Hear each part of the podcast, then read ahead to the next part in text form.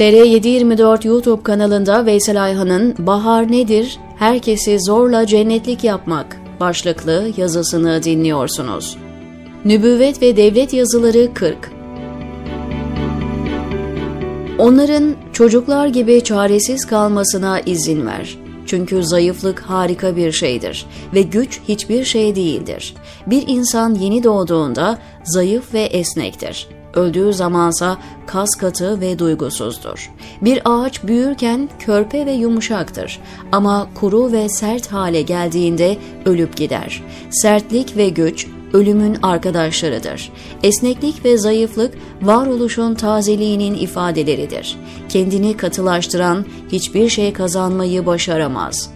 Andrei Tarkovski Bahar kelimesini geleceğe ait hülyalarımız için kullanırız. İnsanın mefkuresi neyse baharı odur. Bazı kesimlerin kızıl elma hayali, Turan ümniyesi vardır. İlahi kelimetullah için yola çıkanlar bunu bahar olarak telaffuz eder. Hz. Bediüzzaman 1911'de şunu diyor. Ne yapayım Acele ettim, kışta geldim. Sizler cennet asa bir baharda geleceksiniz. Şimdi ekilen nur tohumları zemininizde çiçek açacaktır. Bu baharı nasıl anlamalıyız? 1917'de rüyada bir hitabede şu cümleye yer verir. Evet, ümit var olunuz. Şu istikbal inkılabı içinde en yüksek gür sada İslam'ın sadası olacaktır.'' Bahar, bütün toplumun imanla aydınlanması ve herkesin cennete gidecek bir keyfiyet kazanması mı demek? Tüm insanların toptan cennete liyakat kazandığı bir tarih dilimi hiçbir zaman yaşanmadı. Herkesin cennete girebileceği veya cennetin dünyaya taşınacağı bir sosyoloji Hz. Adem'den bu yana gerçekleşmedi. Peki neden? Allah'ın yüce adını her gönle duyurmak için yola çıkanların en önemli hususiyeti, taşıdıkları iman nispetinde diğer insanların da iman etmeleri için gayret etmeleri. Bunun zirvesinde peygamberler var. Aynel yakin veya hakkal yakin derecesinde cenneti gören, cehenneme vakıf olan bir peygamberin başka türlü olması mümkün değil. Kur'an, Allah Resulündeki bu ulvi iştiyakı şöyle resmediyor. Onlar iman etmiyor diye üzüntüden neredeyse kendini yiyip tüketeceksin. Şu ara 3 Ve ardından eğer dilemiş olsak üzerlerine gökten öyle bir delil, mucize indiririz ki onun karşısında ister istemez boyun büker ve inanmak zorunda kalırlar. Şu ara 4 Bir başka surede Şimdi bu söze inanmazlarsa demek sen onların ardına düşüp neredeyse kendi kendine yiyip tüketeceksin. Keyf 6 bu ayetten sonra dünyanın sınanma yeri olduğu ve herkesin bu sınavı kazanamayacağı realitesine vurgu var. Biz yeryüzünde bulunan her şeyi bir dünya zineti kıldık. Böylece içlerinde kim o süse kapılacak ve kim de onları Allah yolunda değerlendirip şükredecek, güzel işlerde bulunacak diye insanları sınıyoruz. Kehf 7 Bu peygamberi endişe ve iştiyak Hz. Bediüzzaman'da da var. Karşımda müthiş bir yangın var. Alevleri göklere yükseliyor. İçinde evladım yanıyor. İmanım tutuşmuş yanıyor. O yangını söndürmeye, imanımı kurtarmaya koşuyorum.'' Onun müstesna talebesi Zübeyir Gündüz Alp, imansızlık tehlikesini şöyle tasvir eder. Teessür ve ızdırap karşısında kalpten bir parça kopsaydı, bir genç dinsiz olmuş haberi karşısında o kalbin atom zerratı adedince paramparça olması lazım gelir.''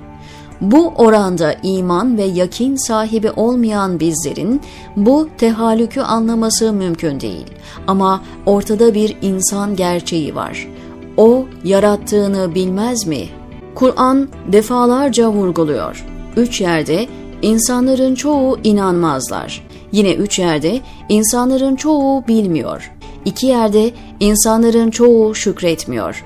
İnsanların çoğu cahillik ediyor. İnsanların çoğu zanla uyuyor. İnsanların çoğu aklını kullanmıyor.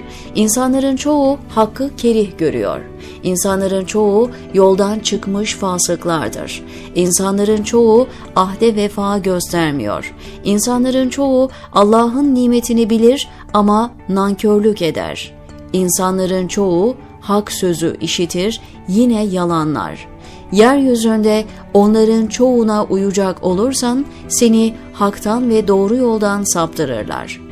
Böyle bir fıtrat sosyolojisinden tüm insanların cennetlik olacağı toplum çıkmaz. Fıtrata aykırı ütopyaların peşine düşmemek lazım. Bahar hayali kurarken bu gerçeği unutmamak gerekiyor. Baharın tanımını yanlış yaparsak yanlış baharlar peşine düşeriz. Kiminin baharı insanlara Allah'ı anlatmaktır, kiminin baharı topluma hakimiyet sağlamaktır. Kimisinin baharı da güç ve iktidarla insanları zorla cennete götürmektir. Peki doğru bahar hangisi? Bir doktor için bahar mesleğini uygun bir ortamda gerekli donanımla yapmaktır. Bir öğretmen için bahar, dinleyen ve anlayan öğrenciler bulabilmek ve onlara bildiklerini anlatabilmektir. Peki bir peygamber için bahar nedir? Dinini hür bir şekilde anlatabilmektir. En yüksek gür sada ne demek? Bugüne gelelim. Nübüvvete veraseti temsil eden insanlar için bahar nedir? Öncelikle dinini temsil edip yaşayabilmek, sonrasında ise duyup hissettiklerini ve bildiklerini çevrelerine anlatabilmektir. En yüksek gür sada mesajın duyulmasını ifade eder. İslam'ın gerçek yüzüyle barış anlamıyla sunulması ve bu duru mesajın yeryüzünde herkese ulaşması demek. Peki karşısında bir takım düşmanlar ve münafıklar olmadan kendisine vahyolunan dini hür bir şekilde tebliğ etmiş bir peygamber var mıdır? Yoktur. Peygamberane tebliğin değişmez unsuru her zaman çile ve ızdırap içinde bir mücadele olmuştur. Yapılan tebliğin peygamberane olup olmadığı bu yolla test edilebilir. Nübüvvete veraseti temsil edenler varlık içinde bir bahar hayal ederlerse yanılırlar. Bahar her türlü mukavemete rağmen peygamberane bir azimle yola düşülen günlerdir. Bahar, gönüllerde hidayet çiçeklerinin açılmasına Allah'ın izin verdiği, gökten hidayet yağmurlarının yağdığı mevsimlerdir. Bugün de olabilir, yarın da. Siz enkaz haline gelmiş bir ülkeyi, ekonomik olarak dünyanın en zengin ülkesi, en iyi yönetilen devleti haline getirseniz, bu anlamda bahar gelmiş olmaz.'' Ama o ülkede yaşananlarla on binlerce kadın ve erkek sahabiyle diz dize oturur bir velayete ulaşmışsa bu manzara bütün bir dünya tarihinin en renkli baharı demektir. Bir yanda yıldız emsal arkadaş unvanlı sahabi, diğer yanda nebi insibağından mahrumiyete rağmen o seviyeyi yakalayan ve o sebeple de kardeşlerim hitabına inayeti ilahiyle erişmiş garip ve mazlum sahabiler. Bundan daha revnekdar bir bahar olabilir mi?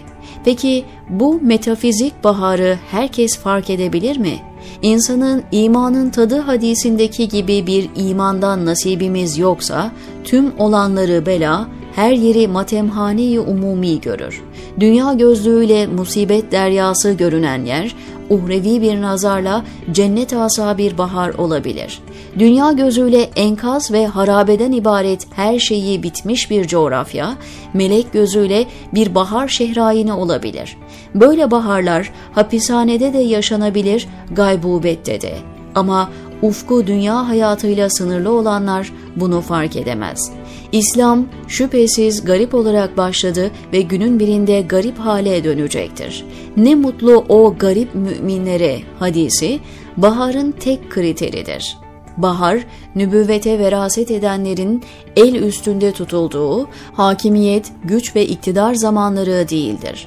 Allah'ın yüce adının aciz ve fakr içinde her gönüle duyurulmaya çalışıldığı mütevazı zaman ve zeminlerdir.